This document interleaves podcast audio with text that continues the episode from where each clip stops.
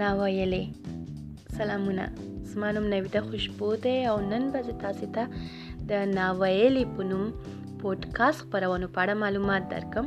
زه په رسنیو کې د کار کولو لس کلنه تجربه لرم لومړی مې په شمشاد تلویزیون کې او بیا له هغې وروسته مې په طلوع نیوز تلویزیون کې د پښتو خبرونو د ویاندې په توګه کار کړی دی په شمشاد تلویزیون کې مې د ژباړې په برخه کې د دوبلاش په برخه کې په همدې ډول د خبرونو د چمتو کوونکي په توګه او د خبرونو د وړاندې کوونکي په توګه مې هم کار کړی اوس مهال په لندن کې اوسم د ژورنالیزم زده کوونکې یم او د ناویلې په نوم مې پودکاستی خبرونه پیل کړې دي اوس مهال خو څه فکر کوم چې زه یوازې له ځان سره غږیږم هیله مې دا ده چې ډیر زر اوریدونکو پیدا کم او خبرونه می تر ډیر خلکو ورسیږي ښه تاسو ته به پښتنه پیدا شي وي چې دا پودکاسټ څه ته وایي پودکاسټ غږیزې ثبتی خبرونه دي یا غږیزې انټرنیټي خبرونه دي تاسو به وسوای چې رادیو شته نو پودکاسټ ته اړتیا ده د پودکاسټي خبرونو او د رادیوي خبرونو توپیر شته تاسو به متوجي شوی چې رادیوي خبرونه اکثرا په ژوندۍ بنه خبريږي او کچیرته ثبتي خبرونه هم ولري یو ځل خبريږي په خپل ټاکلي وخت خبريږي اکثرا تکرار نه وي خو د پودکاسټ خبرونه ثبتي خبرونه دي که چیرته یو اوریدونکو هر کله چې ورته وزګار شي هر کله چې زړه وغواړي خپل د خوخي پودکاسټي خبرونه په اصطلاح پلی کولای شي او اوریدلای شي خو له بده مرغه په رادیوي خپرونې کې به داسې نشي کولای که چیرته تاسو بوخت یې او وخت نه لرئ تاسو د خوخي خپرونه تیریږي او بیرته تاسو ته نه راګرځي بل دا چې پودکاسټ خپرونې په 2015 کې پیل شوې دي په امریکا او اروپا او د نړۍ په ډیرو هیوادونو کې د خپرونې مینوال لري پودکاسټي خپرونې یو بل ځانګړنه دا ده چې اکثرا تفریحي خپرونې دي په اروپا او امریکا کې ډیری د دې خبرونو وړاندې کوونکي عامه ژبه یا عامیانه ژبه کاروي هر ډول ټوکي چې مثلا وغواړي کولای شي هغه یو ځانګړی فورم او چوکاټ نه لري دا اکثرا بیا په رادیوي خبرونه کې د سینې کیږي ځکه چې رادیوي خبرونه خبرونه ډیری سکرپټ لري خپل ټاکلی وخت لري پودکاستی خبرونه د سینې دي د خبرونو چلونکي په خپل خوخي مطابق کولای شي چې خبرونه ته وخت وټاکي یو خبرونه به کېدای شي چې نیم ساعت لپاره ثبت کړي بل خبرونه کولای شي چې له د دریو ساعتونو لپاره ثبت کړي او بل دا ده چې یو ځانګړی فورم یا چوکاټ یا سکرپټ ورته نشته دی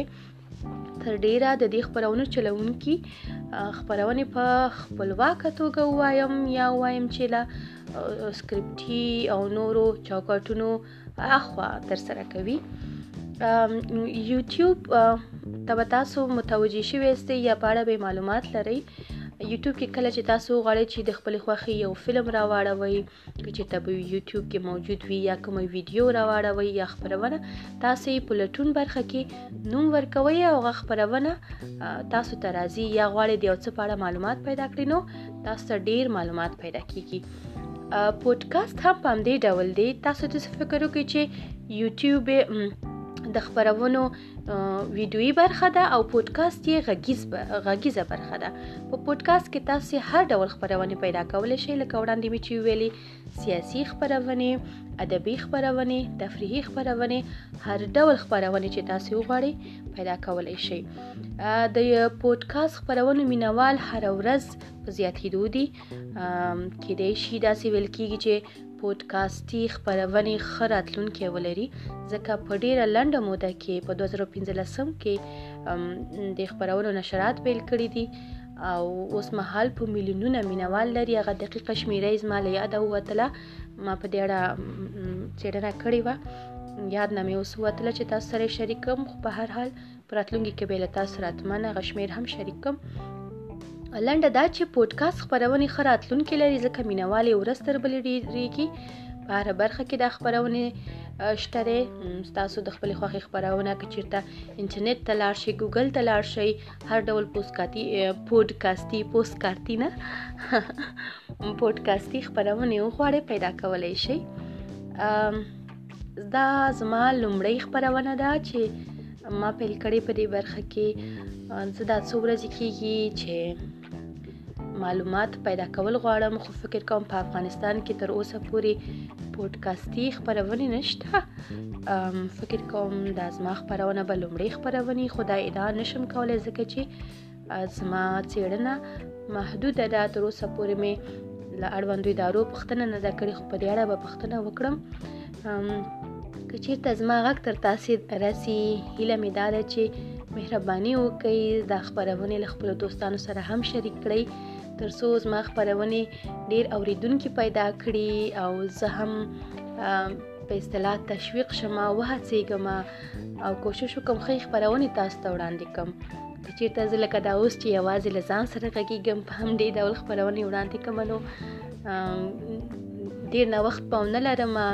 کې دی شي هڅې مې هم ناکام شي او په دې فکر اوسم چې اوریدونکو نه لرم مینوال نه لرم نو څارتیا خدای دې وکړي چې کله داسې احساس ونه کوم تاسو نه مهله دا ده چې خبرونه کچیرته اوري هم دا اوس ما غږ تر تاسو رسیدلې خپل دوستانو سره شریک کړئ په دې خبرونه کې به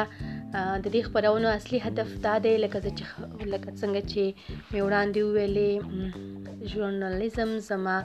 مسلک ګرځېدلی دی په دې برخه کې اوس زده کړې هم کوم غواړم چې د نړۍ له بیلا بیلو هیوادونو څخه د افغانستان په شمول د ژورنالستانو له هغو کیسو مو خبر کوم چې ډېره هڅه به مې دا وي چې هغوی په خپله پیدا کوم هغوی سره مرکې ولرم او تاسو سره دلته شریکې کوم چې هغه خبرې هغه کیسې مونږه کله په رادیو کې اورېدلې نه دي کله مو په تلویزیون کې لیدلې نه دي او یا مو کله په کوم کتاب کې لوستلې نه دي مونږ ته په تلویزیون کې یا په رادیو کې یا په کتاب کې هغه څه وړاندې شوي دي چې هغه منظم شوي دي ایډیټ شوي دي او مونږ ته رسیدلي دي خو د دغو کارونو تر شا څنګه دا خبريال تر دې زی ورسېدلو لکه تاسو په جریان کې په هغه هیوادونو کې چې جګړه روانه اروپאי خبریالان ځي هلته خبریالي کوي د غزي معلومات شریک یو تر مونږه را رسي خو هغه څه چې موږ په ټلویزیون کې یا په رادیوګانو کې یا په کتابونو کې نه دي لیدلي هغه خبریال یا هغه ژورنالیست تر هغه ځای څنګه ځان ورسولو کومې ستونزې ورته پیښ شوې آیا ګواښل شوی وو څنګه یې ځان له هغه ګواښونو خلاص کو تر دې ځایه څنګه ورسېدلو په دې اړه به زه تاسو ته معلومات شریکوم او ډیره هڅه به مې دا وي چې له بریالیو خبریالانو سره مرکې هم ولرم